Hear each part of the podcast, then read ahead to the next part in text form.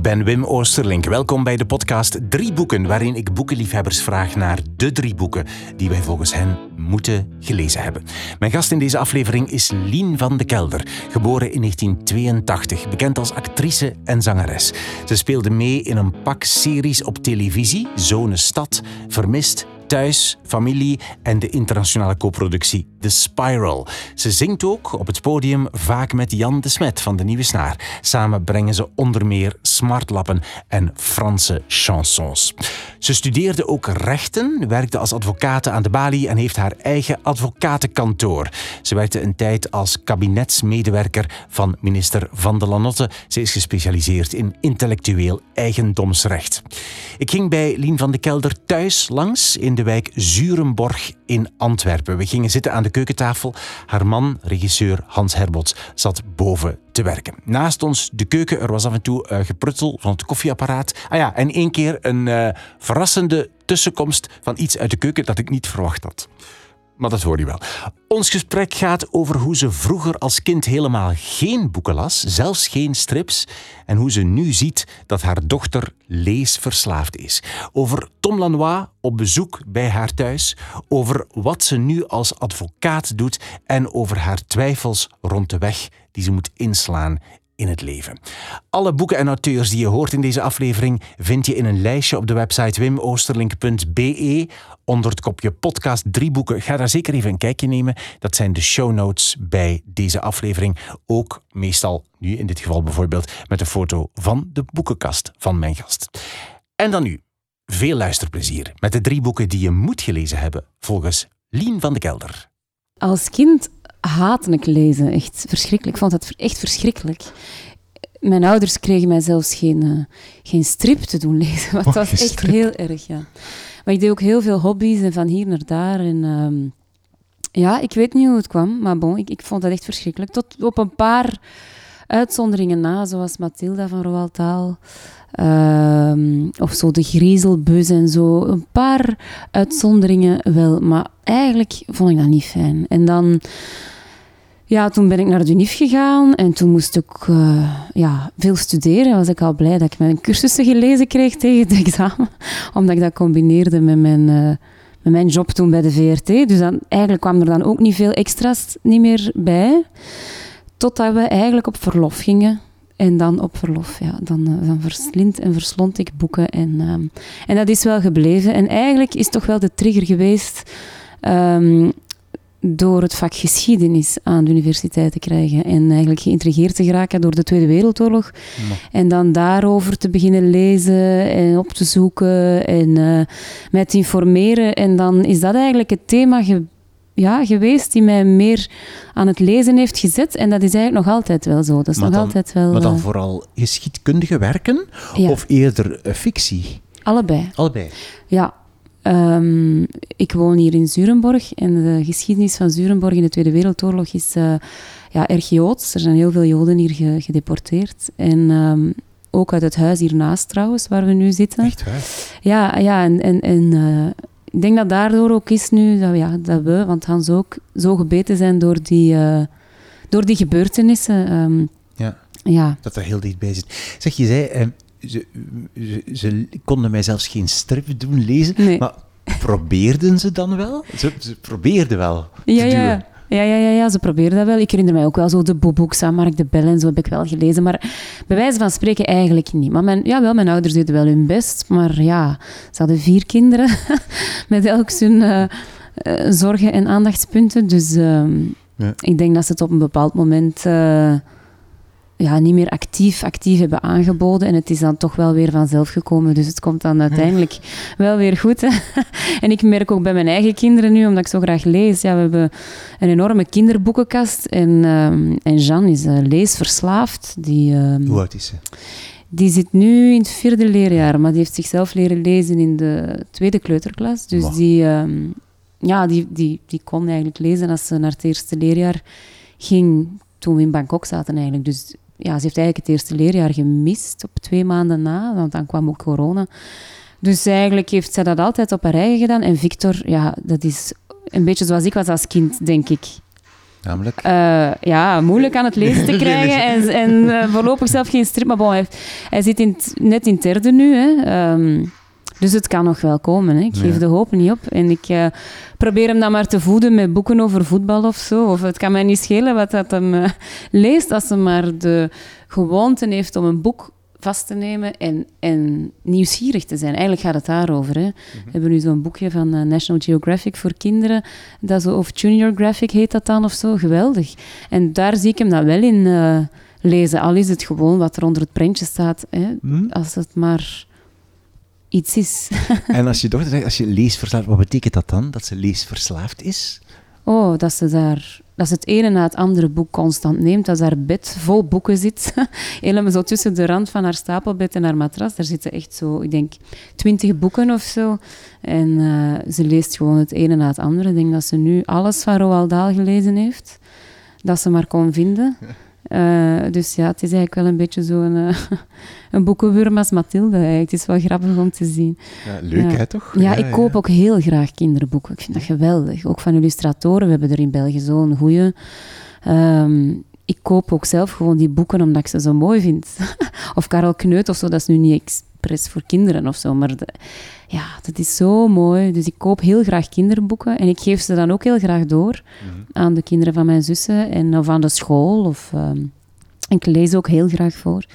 Dus uh, ik doe dat zowel voor mijn eigen kinderen als voor volwassenen eigenlijk. Voor Storytel lees ik uh, luisterboeken in. Ik had dat zelf eigenlijk nog nooit echt wel podcast geluisterd en zo, maar een audioboek, echt volledig fictie, daar luisterde ik zelf niet naar of zo. Maar nu dat ik het zelf heb ingesproken, denk ik, ah, misschien moet ik dat wel eens doen. Maar nu zit ik met, na corona eigenlijk veel minder in de auto dan voor corona. Dus het, ja, het komt er niet van. Het was echt een goed corona-fenomeen. Ja, ja ik denk het ook. Heel erg. Maar goed, ja, het gaat wel blijven, denk ik. Hè? Maar, uh... Ja, ik, voor, ik zie me dat eerder doen in de auto of zo. Niet in de zetel gaan zitten met zo'n hoofdtelefoon. Want dan lees ik liever het echte Of in mensen die in de tuin werken doen dat ook soms wel. Zo, ah, ja. Van, uh, zo het gras afrijden of zo. Maar met... kijk uh, naar onze kleine stadstuin. Daar zijn we rap mee rond. Ja, dat is waar, dat is goed. Kort verhalen misschien. Voilà. Uh, we gaan eens kijken welke drie boeken je gekozen hebt. Hè? Drie boeken waarvan je vindt dat we ze moeten gelezen hebben. Wat is jouw eerste boek? Wel, het is nog recent eigenlijk. De draaischijf van Tom Lanois. Ik, uh, ja, ik heb het boek gesavoureerd. Ik zal, ik zal het zo zeggen. Het was echt een... Uh, een openbaring. Het kondigde zich al een tijdje aan, dus ik zat er echt op te wachten. En de dag dat het uit was, ben ik op mijn fiets gesprongen en de stad ingekoerst om het boek te gaan halen. Waar heb je het gekocht? Uh, in de Groene Waterman. Ja. ja. En uh, ja, het, het, uh, het is een, een, een combinatie van alles waar ik van hou. Allee, vernuftige taalgebruik, um, uh, geschiedenis, de Tweede Wereldoorlog, culturele collaboratie. Uh, dus het, alle werelden komen samen en alle interesses komen samen. Ja. Je dus zei van, van de Joden, het gaat ook echt ja, daarover. Het gaat echt daarover, ja. ja. Het gaat echt daarover, maar het gaat ook veel universeler, vind ik, over ja, wat, wat doet je in zo'n situatie? Wat is eerlijkheid? Uh, wat zeg ik tegen mijn naasten? Wat zeg ik niet? Uh, het gaat ook veel over zwijgen, niet zeggen, uh, de schuld op iemand anders steken, maar eigenlijk wel zelf uw verantwoordelijkheid daarmee ontlopen. Dat zijn universele thema's die, die denk ik wel iedereen aanspreken en die ook heel actueel zijn. Het gaat eigenlijk uiteraard ook over ja, extreem rechts, ja, over... Um, ja, wat er hier toen gebeurd is, maar met heel veel parallellen naar nu. En dan gecombineerd met geweldige personages. Ik heb licht gegierd van het lachen ook. Met de, de, ja, de vernuftige vondsten dat Tom Lanois daarin gestoken heeft. Kom er maar op. Hè. Ik vind het echt een meesterwerk. Ik vind het echt... Um, ja, het is voor mij een van de allerbeste boeken van de laatste jaren. En het, het, um, het gaat ja, over mijn buurt, maar ook over over jij en ik eigenlijk, hè, over iedereen. Um, Komt een poes aan. Is dat ja, poes? Ja, dat is onze kat. Ah, dag poes. ja. Het is een heel sociale kat en ze ruift veel. Dus als ze op je schoot springt, dan, dan, dan moet je ze dus er maar terug uh, afzetten. Ja, dat gaan we niet doen. Nee, nee. En dus het boek... Uh, ja, het ligt mij ook wel aan het hart, omdat het natuurlijk over, over al die interesses gaat waar ik daarnet over gesproken had.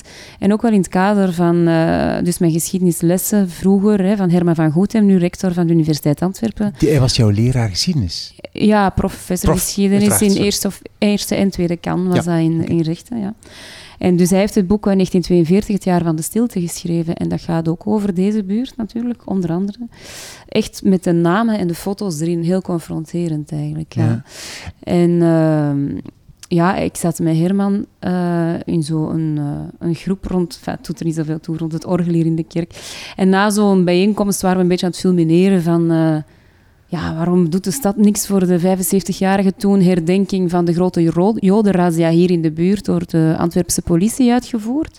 Op 28 augustus 42. En ja, wat zo is, ja, als de stad niks doet, ja, dan doe het zelf. dus, ik, dus samen met toen Jeroen Olieslagers, die Will heeft geschreven. Prachtig boek trouwens ook, want ik heb ook wel lang getwijfeld welk boek moet ik nu nemen. Ik had een lang lijstje. Het is dezelfde. ja, wordt nu ook verfilmd trouwens. Uh, en met een paar VZW's en eigenlijk buurtbewoners van onderuit die een beetje ja, verontwaardigd waren dat er, um, dat er niks was. Hebben we zelf een wandeling in elkaar gestoken op basis van ja, Herman van Goethem zijn boek, uh, maar dus ook doorspekt met Wil. En dan Herman en uh, Jeroen zijn dan op die wandeling komen voorlezen. En die wandeling is nu uh, eind augustus voor de zoveelste keer, vijfde keer dan, ja, doorgegaan om eigenlijk de 80-jarige herdenking te doen. En ondertussen is er wel een echt herdenkingsbeleid vanuit de stad ontstaan.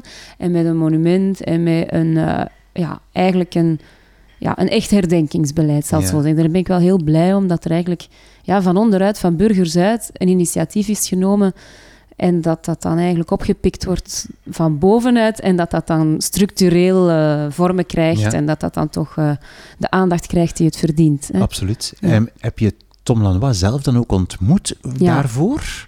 Ja, ja Tom heeft ook komen voorlezen op die wandeling. Hoe was, allee, want ja, dus wel, je, je beschrijft het als een meesterwerk, een van de beste werken afgelopen jaren. Je ontmoet dan die schrijver, misschien kende je hem al, dat weet ik niet, maar hoe, hoe, hoe, was dat dan? Ja, ik kende hem al van ervoor, omdat Hans het Goddelijk Monster van hem heeft verfilmd. Ah, ja. Dus sindsdien uh, ja, hebben we wel een goed contact. En, uh, en wist ik dus redelijk lang op voorhand dat uh, de draaischijf eraan kwam. Vandaar. dus ja, ik zat op hete kolen en ze zijn dan komen eten hier, uh, Tom en René. En het ging natuurlijk heel de tijd daarover. En dan over ja, 42 en over... Ja, van, dus heel de avond ging het daarover. Dus het ging over het boek bedoel je? Over het boek en ook over de dus- geschiedenis en over de buurt, over dit huis waar dat we nu in zitten. Uh, de rol van deze huizen in die periode. Allee, dus het was zo'n avond waar alles samenkwam. Ja. Zeg, dus, en ja. was dat hier aan deze tafel dan waar we nu zitten? Dus is dat, was het Tom Lanois dan?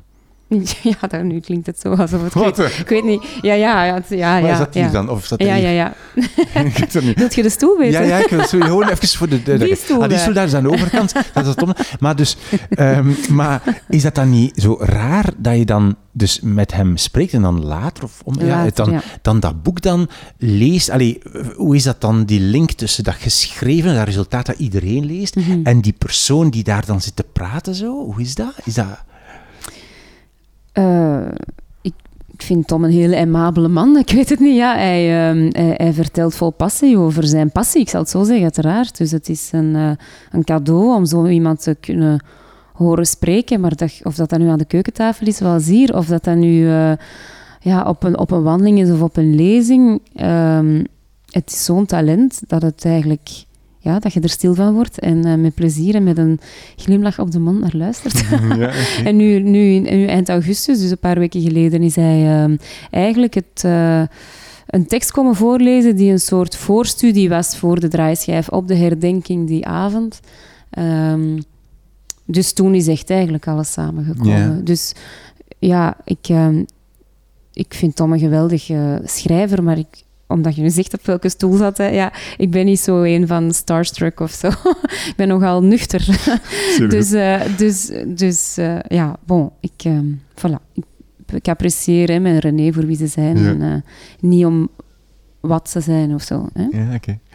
Okay. Um, het, je hebt daar heel veel over gezegd over het boek. Mm -hmm. um, maar het speelt zich natuurlijk ook af in het theatermilieu. Ja, ja. Dus met, ja, met heel, veel, uh, heel veel verwijzingen naar ja, van alles en nog wat hier en ook in, in Nederland zo. Um, heb je herken je daar dingen van? Ja, intriges in gezelschappen bijvoorbeeld. Hè. Dat, komt natuurlijk voor, hè. zowel in theater als op televisie of in andere gezelschappen die een lange tijd samenspelen. Ja, dat is heel herkenbaar, ja. maar ik denk dat dat even goed geldt in bedrijven waar mensen al lang samenwerken of zo.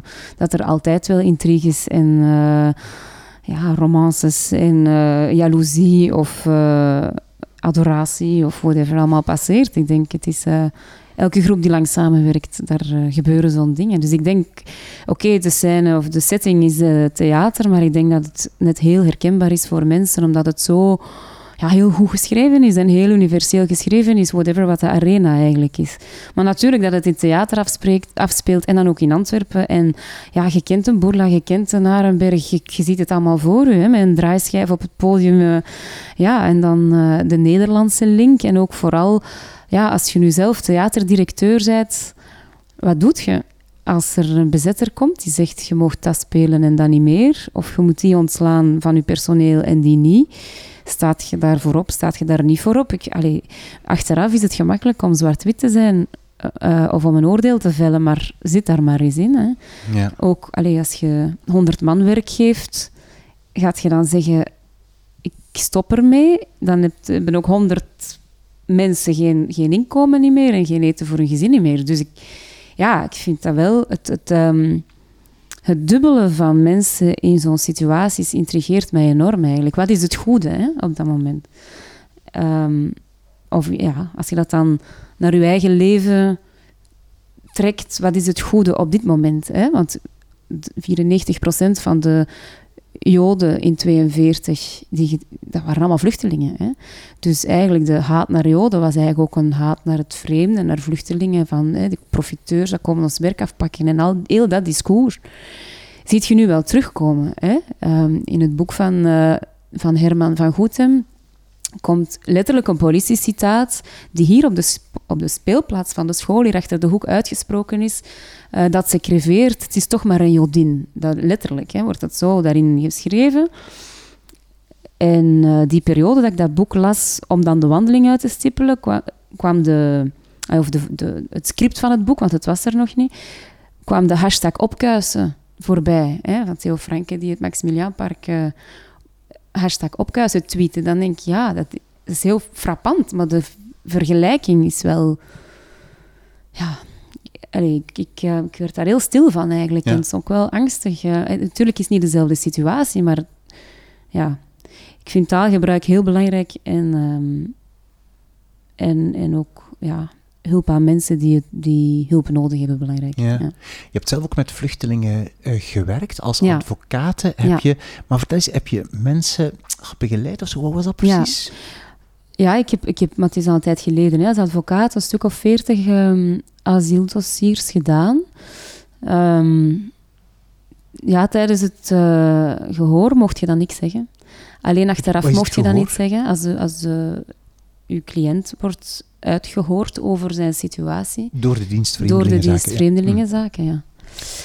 Ja, dat heeft mij heel... Um, op het moment van de aanslagen in Zaventem zat ik met iemand um, op, de, op CGVS en die, uh, ja, die heeft zich vier uur lang geëxcuseerd voor... Um, niet, ja, niet letterlijk voor die aanslagen, maar wel voor, uh, voor wat er gebeurde. En uh, ja, ik, ik, dat gaat mij altijd bijblijven, want op dat moment mochten wij ook niet meer buiten. Iedereen werd, um, moest blijven waar hij was tijdens die aanslagen. Dat was morgens vroeg.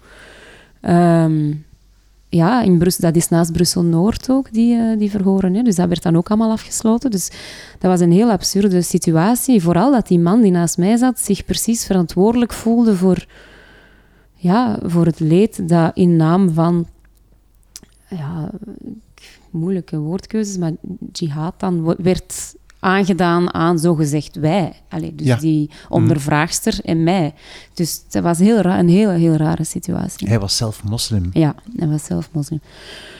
Maar ja, bon, ik, um, uiteindelijk uh, ben ik wel ook voogd geworden ja, van, van niet begeleide minderjarige vluchtelingen omdat ik eigenlijk iets wou doen op langere termijn als hulp en niet korte uh, spullenhulp eigenlijk, als pampers of weet ik veel gaan brengen. Um, En dat, dat ben ik eigenlijk nu nog altijd. Nu, alleen, nu gaat, er een, gaat er een nieuw kind aan mij toegevoegd worden. Of hoe, hoe zegt dat dan? na het Syrisch meisje? Ja, na het Syrisch meisje. Ja, uh, ja, maar van die twee kinderen, daar is de mama uiteindelijk van opgedoken. En zodra dat er een ouder opduikt, dan uh, zet je vocht af. Want dan zijn ze wel begeleid, natuurlijk. Ja, ja. Hè? ja. Maar dus nu... Uh, nu komt er een nieuw kindje. Nu dit najaar, ja. Maar die komt, die komt niet naar hier. Hè. Dus dat is, voogd zijn is eigenlijk administratieve functie en, en uh, verantwoordelijk voor alle belangrijke beslissingen in het leven van dat kindje. Ah, je moet dus bijvoorbeeld zorgen dat het een netwerk heeft rond hem of haar, of dat het, dat het een goede onderdak en huisvesting en school en alle beslissingen daaromtrent moet je maken. Maar eh, je zorgt daar niet voor. Je moet zorgen dat de zorg goed gedaan wordt door andere mensen, zorginstellingen of een pleeggezin of voogdij is niet onder uw dak. Oké, en weet je al welke nationaliteit het kindje zal zijn? Dat weet je nog niet? dat weet ik nog niet. Nee. nee. Als je zo... Um, dat moet toch wel indruk maken, zo, als je zo zoveel, los van dan eh, de voogdij, als je zoveel vluchtelingen naast je ziet die hun mhm. verhaal doen, mm dan moet toch wel Oh, maar dat, dat, is bijna niemand die dat ziet. Wij zien dat allemaal niet zo, hè?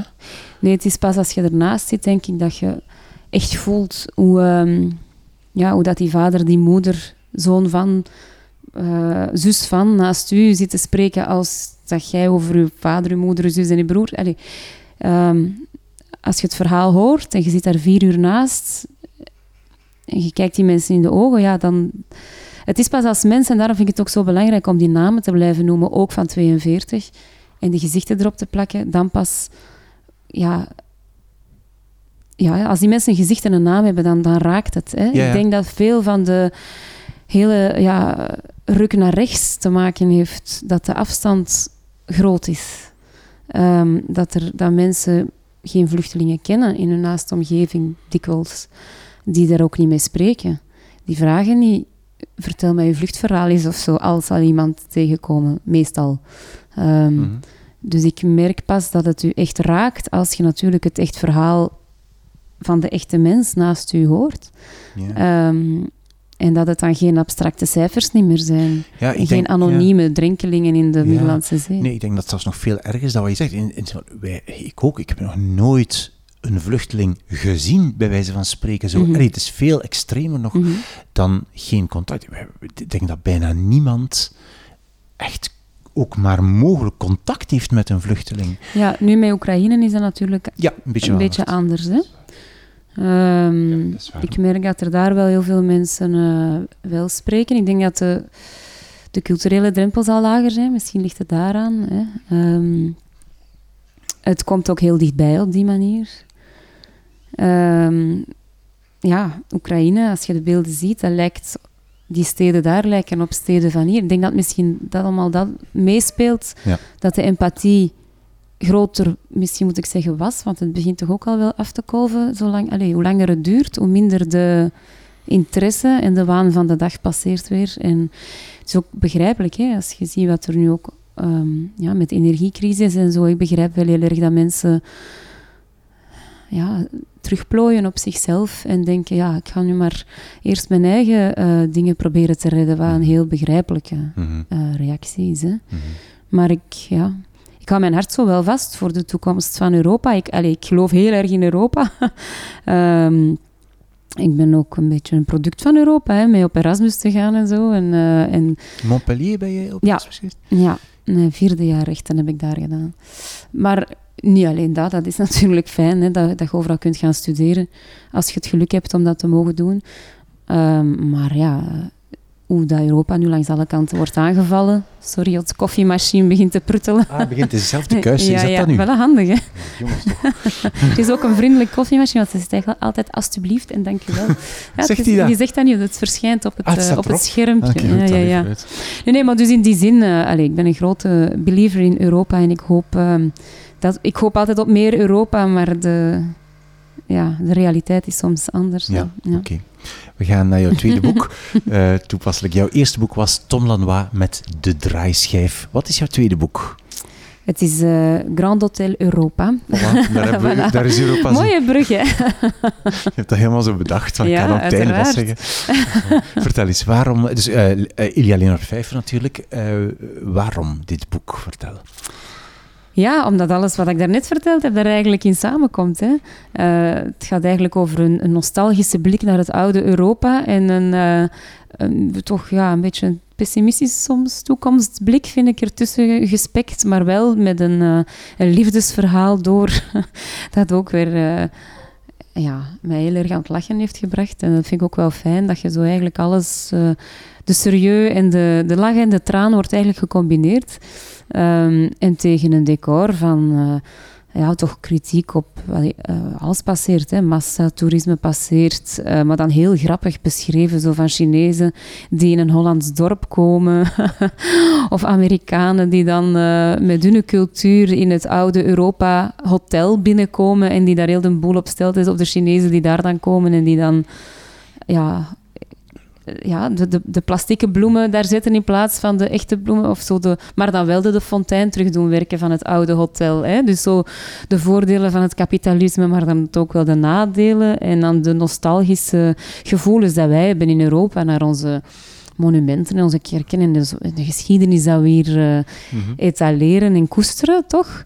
Um, maar ja, het Europa dat dan ook afbrokkelt en toch ja, geen militair of nog economische grootmacht niet meer is en die langs alle kanten, kijk nu ook weer hè, met Rusland, uh, ja, wordt, wordt bedreigd. En, en hoeverre dat dat dan nog standhoudt of niet, maar eigenlijk het is een, een fictieroman maar ja, helemaal doorspekt met actualiteit. En eigenlijk visionair, hè, want toen het werd geschreven uh, was er van de inval van Rusland in Oekraïne nog geen sprake. En ja, eigenlijk voorspelt hij het ook wel wat in het boek, vind ik. Mhm. Dus ik, uh, ik ga het zeker nog eens teruglezen. Want ik heb het nu, uh, denk vier jaar geleden of zo gelezen.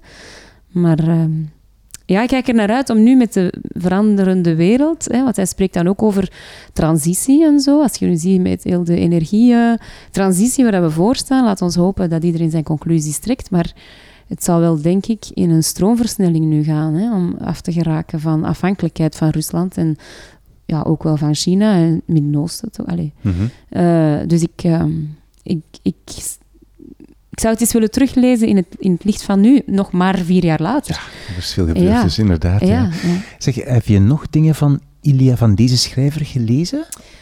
Ik heb het, het Boekenweekgeschenk eens gelezen. Hoe heette het nu weer? Want, um, dat weet ik niet. Ja, ik ben de titel kwijt. Ik ben slecht in titels.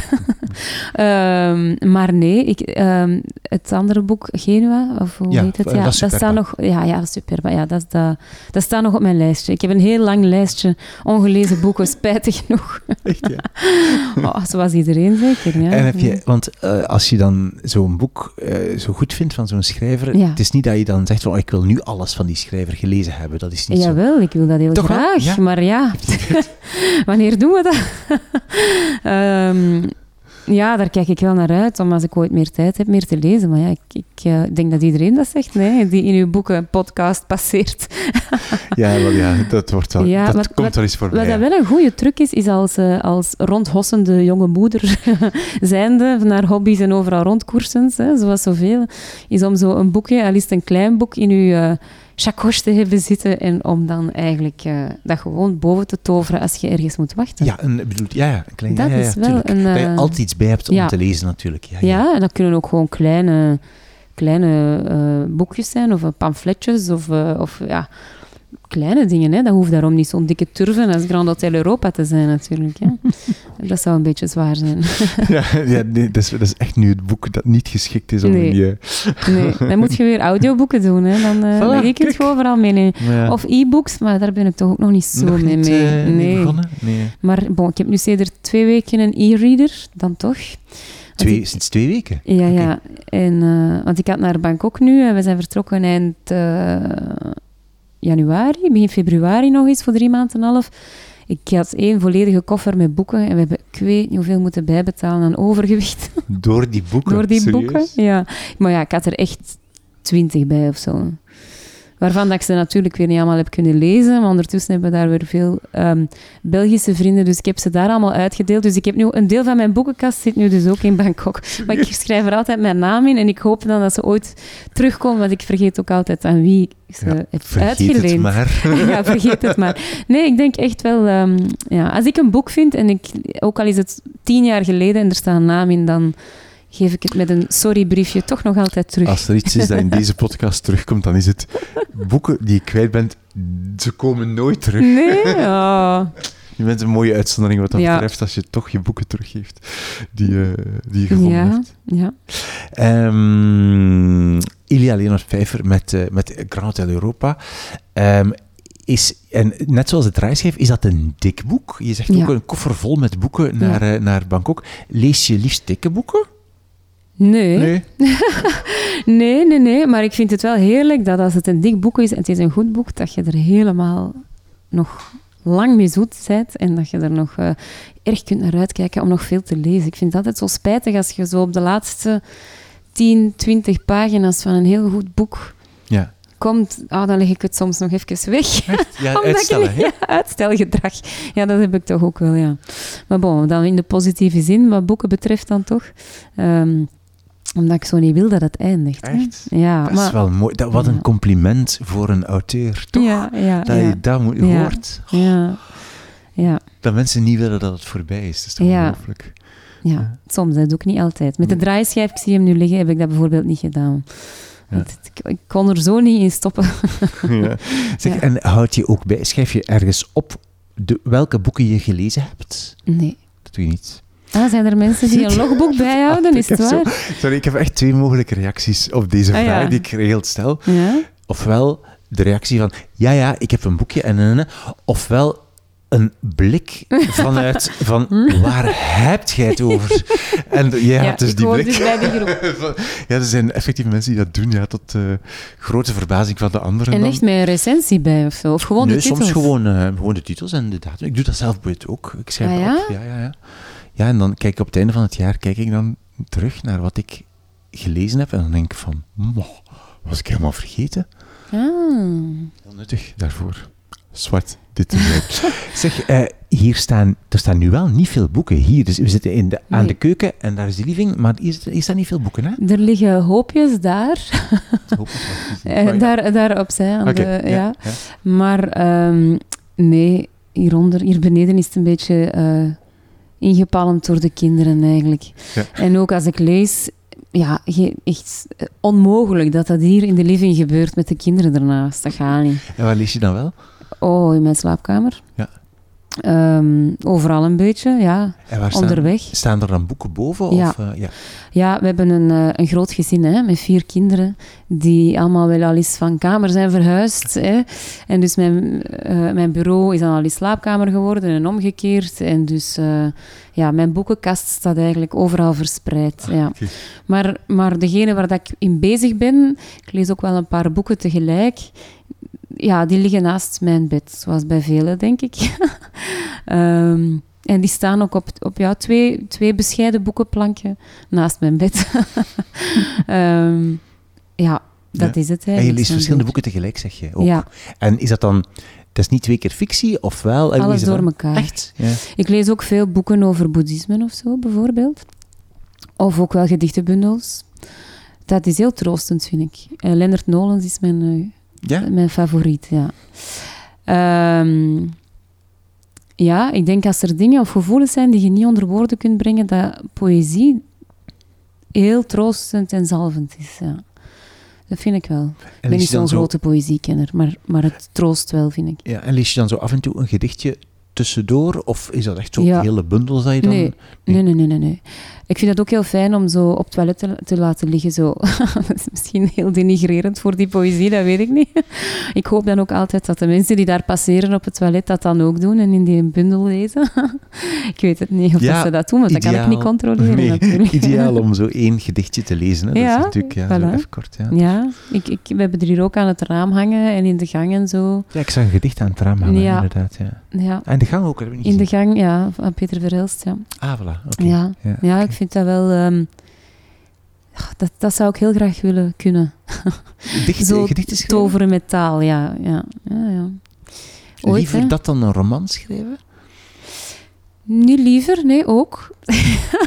Ehm, nee, mijn droom is eigenlijk om, ehm, om alles waar we het nu eigenlijk al over gehad hebben, om dat in bevattelijke taal voor zo kinderen, eigenlijk van de kleuterschool, school, lagere school, jonge, middelbaar, bevattelijk in een boek te, te, te schrijven of uit te leggen. Hè? Wat? Europa Ah, ja. was, wat Europa is, wat er gebeurd is, waaruit dat, dat ontstaan is, waarom dat, dat belangrijk is, eh, waar in de huidige maatschappij het gevaar om de hoek loert, eh, denk ik dan. Vol, allee, eh, en doorspekt met, met de dingen die je zelf gelezen en geleerd hebt, maar zo in een, in een bevattelijke taal uitgelegd of zo. Dat zou ik echt heel graag doen. Een soort van... ehm,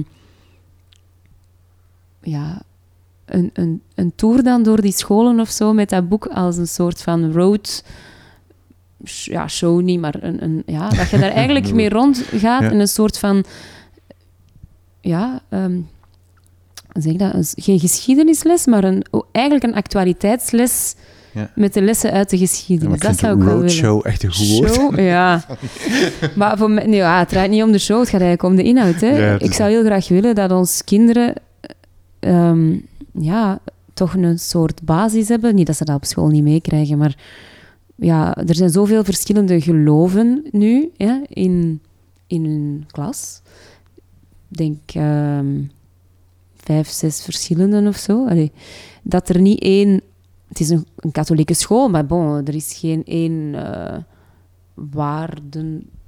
eh, kader van een geloof of zo. Want er zijn zoveel geloven hè, hier in Antwerpen, in zo'n grootstad. Dus ik zou heel graag zo de, de gemeenschappelijke deler tussen al die geloven uitzoeken en dat doorspekken met ja, de lessen van de geschiedenis, ook van de buurt waarin de school hier is ingebed. Ik heb het nu over onze school dan, maar ook eigenlijk ook een, gewoon ruimer, een ruimer verhaal daar rond vertellen of zo, maar op een boeiende manier, zoals bijvoorbeeld Bart van Loo vertelt over de Bourgondiërs.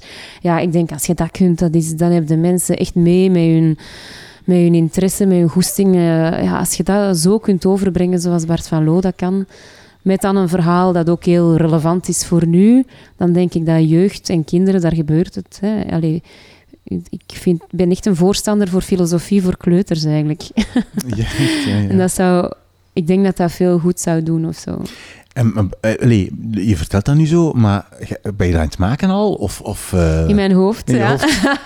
maar nog niet echt concreet met een Nee, nee, ik weet ook helemaal niet of ik kan schrijven. En ja, ik vind dat heel moeilijk en een stil op zich. En ik ben daar ook heel nederig naartoe. Ik ben ook geen schrijver, dus ik wil dat graag vertellen, maar ik weet nog niet hoe.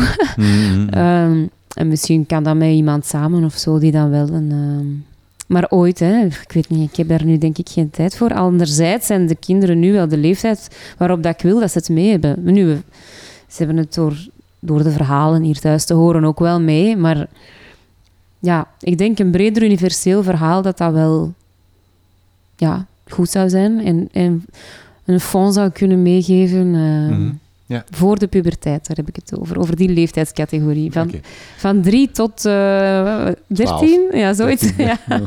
13. ja, twaalf is dan... Oh, Ik vrees nog een dat paar al- jaar te al- gaan. dan. We zullen wel zien, we zullen wel zien. Oké, goed. Eh, jouw tweede boek, Graal del Europa van Ilia Leonard Pfeiffer. Wat is jouw derde boek? Ja, mijn derde boek is eigenlijk niet echt een boek. Het is een, Oh, een pamflet dat ik in uw eh, programma heb binnengesmokkeld. dat mag. Dat mag. Mag dat? Alles mag. Het is wel gedrukt, hè? Is dat de referentie dan? Maar nee, maar niet. Dus de- het is allemaal goed.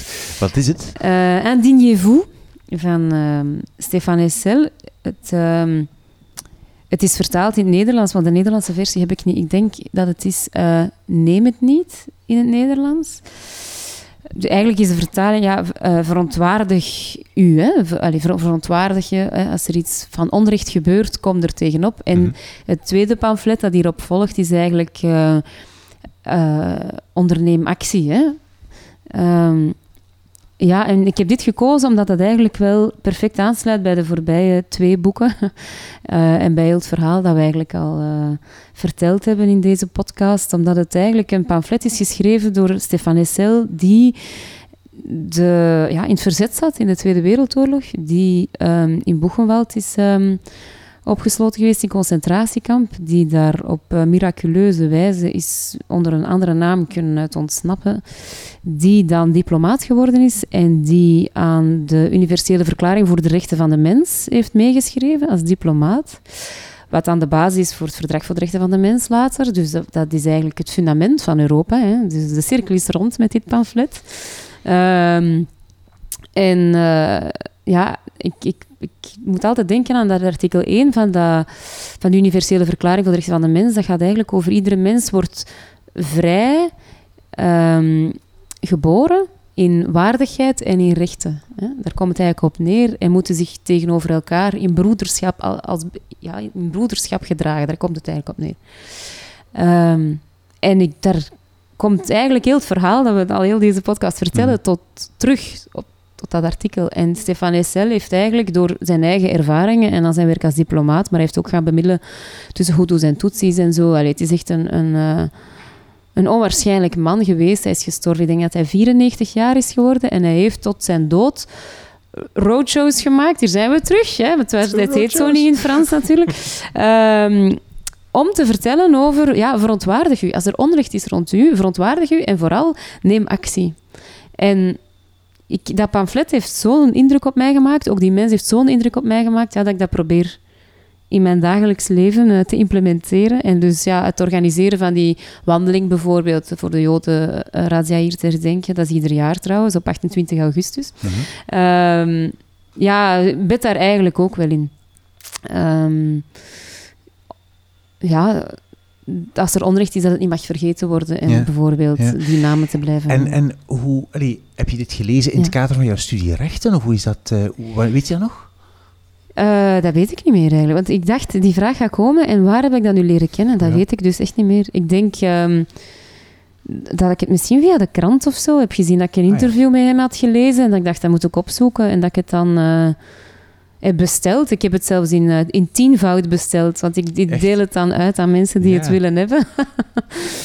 het, is maar, het, is maar, het is 32 bladzijden. Het is echt zo'n heel dun boekje eigenlijk, hè? Ja. Ah, nee, zelfs met biografie erbij, dus het is echt zo maar, eh, maar de helft. Ah, wel, maar het pamflet is dus vertaald over heel de wereld, zelfs in China.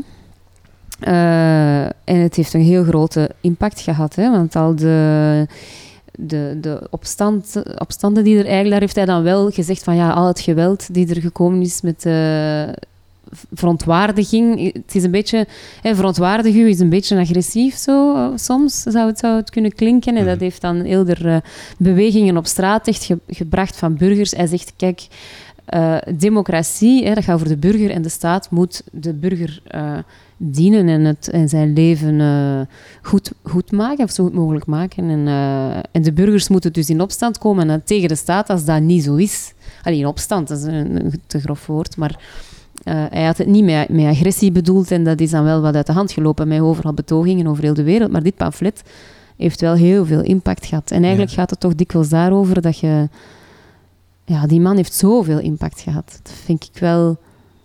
Ja, ik heb ja, ik heb nog een interview met hem gezien. Um, het staat allemaal op YouTube. Als je zijn naam intikt, kun je het allemaal herbekijken. Mm. En die zegt ook, ja, de, de, de impact van mijn geest, dat ik wel alles wat geschreven, daar ben ik zo blij mee. En ik kijk uit naar mijn dood, want dat is een ervaring dat ik nog niet heb meegemaakt. Zegt hij al zijn 94, met zijn vrouw naast hem in dat interview. Zegt heel, ja. En hij zei, met pretlichten in zijn ogen, maar echt, en hij meent het ook wel. Ik kijk uit naar mijn dood, dat heb ik nog niet meegemaakt. En ja, mijn lichaam gaat er dan niet meer zijn, maar ja, mijn geest gaat voort. En, allee, met zo'n soort van contentement en een soort van, het is goed geweest en ik heb, de, ik heb mijn steen verlegd. En ik, ik ben nieuwsgierig naar wat dat, dat uh, met mij gaat doen, die fysieke gewaarwording van doodgaan. Van, daar komt het eigenlijk op neer. Je moet maar eens zoeken, ik, ja, ik weet niet meer, op, het was op, ja, het was een, ik denk voor een televisieoptreden, samen met zijn vrouw naast hem. En die, die moet er ook zo mee lachen als hij dat vertelt, natuurlijk. Ja. En ik denk dat hij niet lang daarna gestorven is, trouwens. Ja, ja, ja. Maar, uh, Allee. Zeg, ja. ja. Um, we hebben het al gehad over uh, dat je advocaten... Sorry, dat is onze... Wat is, wat is, wat is nu weer? oh, ja. Een koekoeksklok, ik... dat maakt echt zo... Ja, dus de koekoeksklok. De koekoeksklok, dat ja. Dat is echt een moderne koekoeksklok. Ja. En hij fluit nu? Voilà. En, de vogel is weer weg. oh my god. Hebben ze nog van die verrassingen hier in huis? Ik denk dat nu onze show op is eigenlijk. De, kat, de vogel en, de, en het koffiemachine. Ik denk dat... ja, Hans kan nog binnenkomen. nog een verrassing. Je weet wat heeft hij bij. Zeg, uh, ja, je, je hebt al gehad... Je bent uh, advocaat, je hebt recht je bent advocaat. Um, niet meer, ik mijn... Wel, je was advocaat. Ja, ja, dat ik ben niet meer aan de balie. Wel, ja. Dat was eigenlijk mijn vraag, want is, ik snap het niet goed. Dat is de balie natuurlijk, want ik, ben, ik weet dat niet hoe. Maar, Dus sowieso gespecialiseerd in um, intellectuele eigendom, dat was jouw specialisatie. Um, maar je, want je hebt, heb je dan zelf een advocatenbureau opgericht? Heb ik dat goed? Ja, hè? maar, maar dus je wij, werkt daar niet meer? Jawel, of, jawel. Maar bij, uh, ik ben niet meer aan de balie. Um, ik heb mij... Oei, nu komt er weer een vliegtuig voorbij. Sorry. Kijk, dat had ik nog niet gecalculeerd in het rijtje. um, omdat ik het... Uh, ja, hoe komt dat eigenlijk? Om, omdat we zijn een heel um, rechtbankvermijdend kantoor die uh, inzet op bemiddeling eigenlijk. Um, dat is een beetje atypisch. Wat dat ook wel maakte, dat ik eigenlijk nooit echt naar de rechtbank moest gaan pleiten, of zelden. Wat, als je aan de balie bent, dan ga je pleiten. Ja, dat ja, betekent dat? Ja, dus, hè, dus je doet eerst uh, je studie rechten en dan nog drie jaar stage bij een stagemeester. Dat is dan, was dan afgerond. Dan was ik aan de balie een paar jaar. En dan ben ik daarmee gestopt, omdat ik eigenlijk... Ja, um, mij beter voel bij het niet-rechtbankgedeelte, bij het uh, bemiddelende stuk. proactieve en rechtbankvermijdende werk op voorhand voordat er een samenwerking ontstaat, bijvoorbeeld met, tussen een schrijver en een uitgeverij, hè, alle, alles wat daar rondkomt, dan, dan achteraf uh, eventuele ruzie voor een rechter uh, uitvechten. En ik heb dan een, een, ehm, een opleiding tot uh, erkend bemiddelaar gedaan, waardoor dat je eigenlijk kunt bemiddelen tussen partijen en ze op die manier ja, eigenlijk uit de rechtbank houdt, hè, in het beste geval, en de communicatie tussen beide partijen herstelt, waardoor dat, de, dat het, ja, de uitkomst die ze zelf toegekomen zijn, ook beter wordt uitgevoerd. En dat het dus niet top-down door een rechter wordt beslist, ook niet door mij als bemiddelaar, want ze komen zelf tot een akkoord. Waardoor dat de uitvoerbaarheid beter is, waardoor dat de mensen zich meester voelen van hun eigen beslissing en hun daar ook beter bij voelen. Wat dat ook maakt dat een bemiddeld akkoord achteraf dat bijvoorbeeld de handel niet stopt tussen die beide partijen, want ze zijn terug akkoord. Er was een dispuut, ze zijn er samen uitgekomen en ze kunnen eventueel samen verder. Ja, dan is alle kanten beter gewoon Al, voor ja, alles en iedereen beter. Dat denk ik wel, tenzij dat je natuurlijk... Ik ben niet tegen de rechtbank voor sommige zaken, hè, gaat het niet anders. Maar, uh, doe ik je, hoop doe je dat nu nog, dat bemiddelen? Doe je ja, dat, nog? dat doe ik. Ja, ah, Maar dus het kantoor in Mechelen doet vooral auteursrecht en merkenrecht. En um, meestal voor uh, schrijvers, um, mensen uit de audiovisuele sector, uh, muzikanten ook heel veel. En dat is ook wel fijn dat ik... Um, doordat ik zelf heel veel zing nu ook, hè, met Jan de Smit en met Mauro en Wouter Berlaan en Ad Cominotto, Stoy Stoffelen, echt zo'n heerlijke crème van de Belgische muziek uh, scene, waar ik ook heel dankbaar voor ben trouwens, dat ik al zo van 2015 eigenlijk al op tour mag zijn met hen dat de drempel ook wel lager wordt om een auteursrechtvraag te stellen, bijvoorbeeld. Hè. Dus ik vind het wel heel fijn dat het een kruispunt is geworden tussen mijn juridische achtergrond en de, en de praktijk. Ik weet heel goed in de praktijk hoe bepaalde situaties voelen als acteur, als muzikant, als... Uh, ja. ja. En dan ook wat dat de juridische kant van de zaak is. En ik merk wel, doordat het, dat ik een beetje op dat kruispunt sta dat de aanspreekbaarheid voor beide werelden wel gemakkelijker is. En dat is wel heel fijn. Dat heb ik ook dan uh, op het kabinet bij Van de Lanotten heb ik dan uh, een paar jaar gewerkt om de nieuwe auteurswet mee vorm te geven. En um, ja, dat was een heel boeiende periode, omdat ik eigenlijk uit de praktijk wist waar de problemen zaten en de theorie dan ook kende. Dus ik kon eigenlijk brainstormgroepen samenstellen met de juiste personen om dan die nieuwe wetgeving ja, vorm te geven. En, en dat was zo'n wonderlijk samenspel van, van actoren die elkaar normaal niet tegenkomen. Hè? Tenzij voor een rechtbank soms. Ja.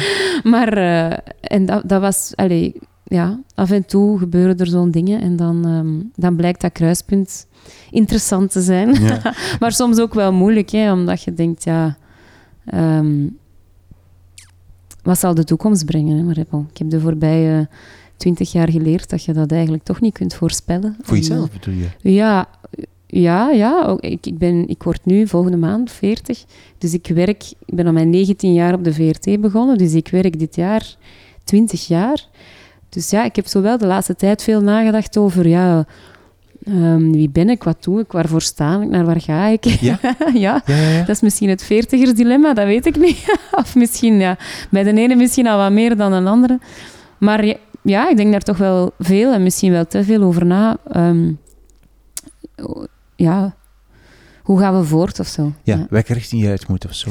Ja, maar, eh, mensen vragen mij al van mijn 19, eh, wanneer ga je nu kiezen? En ik heb gemerkt de voorbije 20 jaar dat niet kiezen het interessantste is. Wel, Maar dus dat zal waarschijnlijk dan ook het pad zijn de komende 20 jaar. Ja. Of morgen kan ik tegen een boom rijden, dan is het gedaan. Hè? maar is er reden Maar- om het te veranderen? Is er een reden om... om, om want ik, ik, ging, ik ging inderdaad vragen van, ja, je, je, je bent dus advocaat, je bent met dat juridische echt bezig geweest, Mm. heel, heel veel, heel concreet. Je bent eh, actrice uiteraard, je bent zangeres, je doet nu heel veel met dat, met dat zingen. Mhm. Ehm, je hebt je, ja, je engagement, je, je hebt ook nog een bedrijf waarmee je lakens eh, maakt. Hè? Dat is een beetje te vroeg eh? Out there gekomen. Ja, Ah, hoe is dat ja, er ja, ja. gekomen? Ah, pardon, oké. Ja, ja, ja. Enfin, maar het is zo, hè? Ja, het is wel ja, zo. ja, ja. Het is nog geen bedrijf. Het is een, een Ah. start-up idee. Een start-up idee Ja, nog maar ja, zelfs. ja, Oké, ja. pardon. Oké, goed. Enfin, maar dus dat al, al, al die dingen. Ehm, en wat ik me afvroeg van, mai, ben je iemand die snel verveeld is? Ehm, spreek je nog niet van zo, van zo thuis en kinderen en wat, daar spreek je nog niet eens van? duizend kinderen. Nee, ik spreek van thuis. Ah, en thuis. Ah, thuis. ik had verstaan de duizend Nee, nee. kinderen. Ehm, snel verveeld. Ja, goh. ehm, ik doe niet graag deuren dicht of zo. Dus als er dan kansen op mijn pad komen, zeg ik nogal dikwijls ja. En dan ineens heb je zo een beetje voor de buitenwereld een, een schizofreen eh, profiel of zo. Maar ja, maar schizofreen, dat, Maar, dat is dat ja. op zich niet... Oké, schizofreen snap ik wel vanuit Nee, jouw nee, dingen, ja. maar vooral veel. Veel. Ja, maar dat is ook niet allemaal tegelijkertijd natuurlijk. Hè? Nee, nee. Nu ja, ja, mijn juridisch werk nu, dat wel, hè, dat loopt natuurlijk altijd door. Hè. Maar, ehm, maar die andere dingen die je opnoemt, dat, dat is in golven. Hè. Met corona bijvoorbeeld lagen alle concerten stil. Ja. Dan was het 100% het juridische. Ehm, als je een reeks speelt in een dagelijkse reeks, ja, dan is de golfbeweging weer wat anders. Maar dat is ook altijd maar tijdelijk. Dus, eh, en als Hans dan weer naar het buitenland moet voor zoveel eh, maanden, ja, dan gaat de stekker er soms helemaal uit voor drie maanden. Dus het is allemaal zo nogal eh, in golven en nogal onvoorspelbaar. En, ehm, ja, soms geeft dat energie en soms geeft dat frustratie of eh, onzekerheid natuurlijk. Ja, je hebt Waarom zo- frustratie? Omdat je niet alles kan doen wat je wil. ja, pff, ehm, ik zou zeggen, door altijd de kansen te grijpen dat ik krijg, denk ik dat ik een heel fijn, rijk leven heb. Ehm, anderzijds, ja, soms is dat ook frustrerend, omdat je denkt, ja, stel, wat zou er gebeurd zijn als ik nu ja, aan mijn 18 jaar ehm, naar van Teiling zou geweest zijn toen hè, en eh 100% dat zou gedaan hebben. Enkel acteren bijvoorbeeld, Ja. of enkel kleinkunst, zoiets Ja, ja. ja, ja, dan... Ja, iedereen vraagt zich dat af waarschijnlijk. Hè. Stel, ah, in West-Vlaanderen, want ik kom vandaar, dan zeggen ze Oti en Zoti. Kende die uitspraak? Oti en Zoti. Nee, dat wist dat ik. Als hij, en dan zou Ah, hij, Oti, en ja. Zoti. Ja. Dus je kunt, eigenlijk wil het zeggen, je kunt het niet weten. Als dan, ja, who knows. Hè? Dat is eigenlijk Oti en Zoti, zeggen ze. of ze zeggen dat misschien alleen in Kortrijk, dat weet ik niet, want het is vandaar dat ik afkomstig ben. Maar ehm, ja, soms vraag ik mij dat wel af. Stel dat je nu eh, rechtlijnig, eenduidig daarvoor had gekozen, wat, wat was er dan gebeurd Ja. of zo? En soms is het nu wel frustrerend dat ik, in die zin dat ik denk, goh, misschien... Ja, zeker waren er dan weer andere dingen. Ik heb er geen spijt van, helemaal niet. Maar ja, soms denk ik nu, als je heel geconcentreerd bent op één ding, komen er waarschijnlijk wel weer misschien betere dingen uit of zo. Ja, ik weet het niet. Ja. Aan de andere kant had je dan heel het rechte stuk Ja, gemist, wat toch ja, ja in dat mijn, zou ook spijtig in mijn als ik jou, met jou praat, toch een heel belangrijk deel van, jou, van jouw denken lijkt. Ja, ja, dat is Hè? waar. Ja, ja, dat is zeker zo. Ja, ja, maar ik, ben, ik zeg, ik ben blij met de keuzes die ik heb gemaakt. Alleen vraag ik mij soms af, hoe zou het anders geweest zijn? Maar dat vraagt iedereen zich af. Hè? Ook over kinderen of trouwen of over belangrijke levenskeuzes of wat als. Hè? Maar kan je Ja. zeggen, hè? kan je zeggen over jouw boeken? Hè? Dus wat, Ja. Want wat, wat als, ik zie, als ik naar jouw drie boeken kijk, Ja. Allee, ehm, Krijg ik nu een psychologisch rapport van nee, u? Maar ja, ja, nee, dat is nu dan neemt het aan. Nee, nee, nee, nee, maar het is gewoon omdat je zegt van dat die Ja. twee, een beetje twee aspecten van jou zijn, zo, Ja, hè, een beetje het, het artistieke aspect en dan eerder het, eh, het juridische aspect, of het juridisch-politieke aspect. Ja. Ja, alle drie die boeken, we hebben geen enkele keer gepraat over, over, eh, over, over het, het, het zingen en het ja, theater een beetje bij Tom Lanois, maar niet Ja, ja, zoveel. Het gaat eigenlijk heel de tijd over politiek, toch? Hè? Al jouw drie boeken gaan over politiek. Ja, het is eigenlijk waar. Ik heb er zo niet over nagedacht. Allee, dus wat, wat, wat ik daaruit concludeer is dat misschien, maar ik weet dat niet, dat, jou, dat het zo... Het, dat, Dat het daar aspect, gaat dat toch... Nee, nee, nee, dat weet ik niet.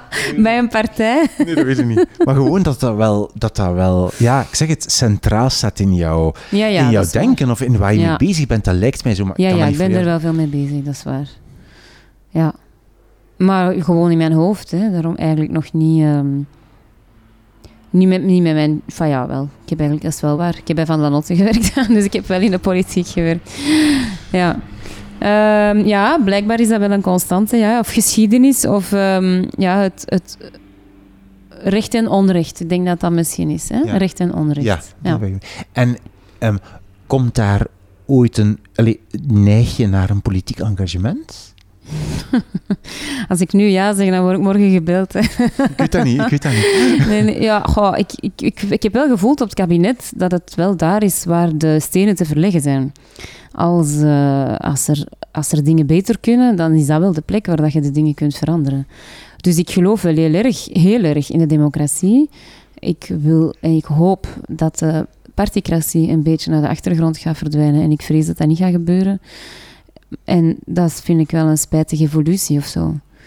Ehm, de personencultus in het korte termijn denken, nu in de politiek, vind ik zo erg. En destructief. Zowel op stedelijk niveau, voor Antwerpen bijvoorbeeld, als op nationaal niveau, als op Europees niveau en wereldniveau. Dus ik... ehm, ja... Als er lange termijn denken zou zijn en als er ook iets politieker zou kunnen zeggen, zeg, dat vind ik een, toffe, een tof voorstel van die andere partij. Ik steun dat. Ik hoor dat nooit, hè. Dat zou... Als er een partij openstaat voor, voor echte samenwerking, maar echte samenwerking, hè, en op lange termijn en op samen voorstellen maken, dat is dan misschien naïef in de huidige constellatie dat dat zou kunnen, maar ik denk wel dat het dat zou moeten zijn. En een beetje zoals uh, Stefan Essel zegt, ja, het, het volk dienen hè, en, eh, en de bur het burgerschap stimuleren. eh, en op lange termijn en niet op korte termijn in de waan van de dag. En, en als een andere partij een goed voorstel heeft, dat ook kunnen, moeten zeggen. En daarvoor gewoon samenwerken. Ja, bestaat niet hè, nu, zoals nee, je zegt. bestaat niet. Maar, Nee. ja. En ik denk dat ook minder en minder mensen goesting hebben om in de politiek te stappen. Net om die reden. Je kunt bijna niet ademen of je wordt al afgeschoten of je, je wantrouwt. Dofis. Politieker, dat staat al, te, al bijna synoniem voor te wantrouwen. Dat is zo spijtig, want dat zijn wel de mensen die, die hun nek uitsteken, die voor een ander loon in de privé weet ik veel wat kunnen doen, maar die zeggen nee, ik ga eh, opkomen en ik ga het proberen te veranderen en met hun idealisme daar wel instappen en daar nu toch wel, als je ziet hoe mensen afgebrand, wor- afgebrand worden voor, voor het minste, ja, en niet alleen zij, het gaat ook niet alleen over, stel dat ik dat zou doen, het gaat niet alleen over mij, het gaat ook over uw gezin en over uw kinderen die naar school moeten. Mhm. Als je dan zo wordt afgebrand voor, soms, voor het minste soms, denk ik, ja, wat, op den duur durft je ook niet meer beslissen dan, denk ik. En dan zijn het helemaal veraf natuurlijk.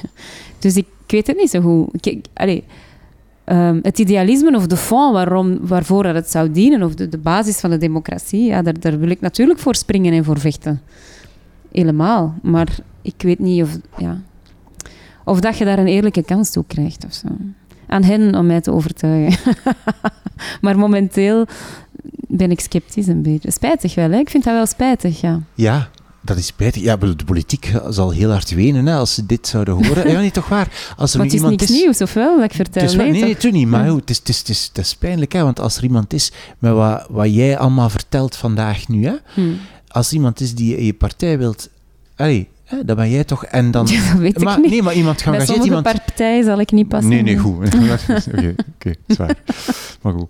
Allee, maar en dat dan, ja, goed, het is duidelijk dat je zegt van, ja, de, de, context is niet de context waarin ik wil werken in de politiek, dat is wat je zegt. Ik denk dat je misschien wel meer impact kunt hebben op andere fronten, hè? dat weet ik niet. Mhm. Oké, goed. wil jij jouw drie boeken nog eens herhalen? Wat was jouw eerste ja, boek? Ja, mijn eerste boek was De Draaischijf van Tom Lanois. Ja, twee. Het tweede boek, Grand Hotel Europa van Ilya Leonard Pfeiffer. En, en, het derde is geen boek, maar een pamflet, Indignez-vous van Stefan Hessel. Uh, wat ligt er naast jouw bed? Wat ben je nu aan het lezen, weet je dat? Ja, voordat de koffie koud wordt ben ik aan het lezen. Maar de Schrijver kan ik Japans ja, kan ik niet uitspreken. Oké, ik ook niet. Dus, uh, maar het is, uh, het is weer veelbelovend, uh, de eerste bladzijde. Dus ik kijk er heel erg naar uit. Goed, ik kijk heel erg naar de roadshow.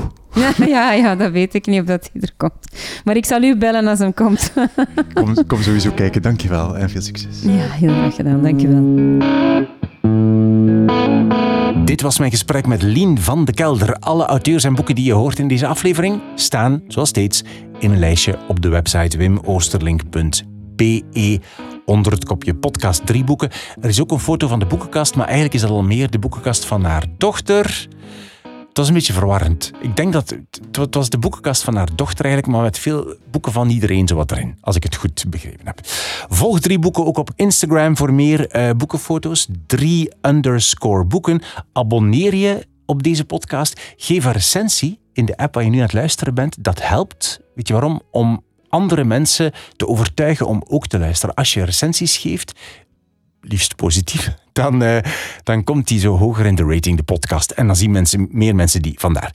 Um, en laat vandaag of morgen aan twee vrienden of vriendinnen weten dat ze ook eens naar deze podcast moeten luisteren. Ook dat helpt om de podcast verder te verspreiden.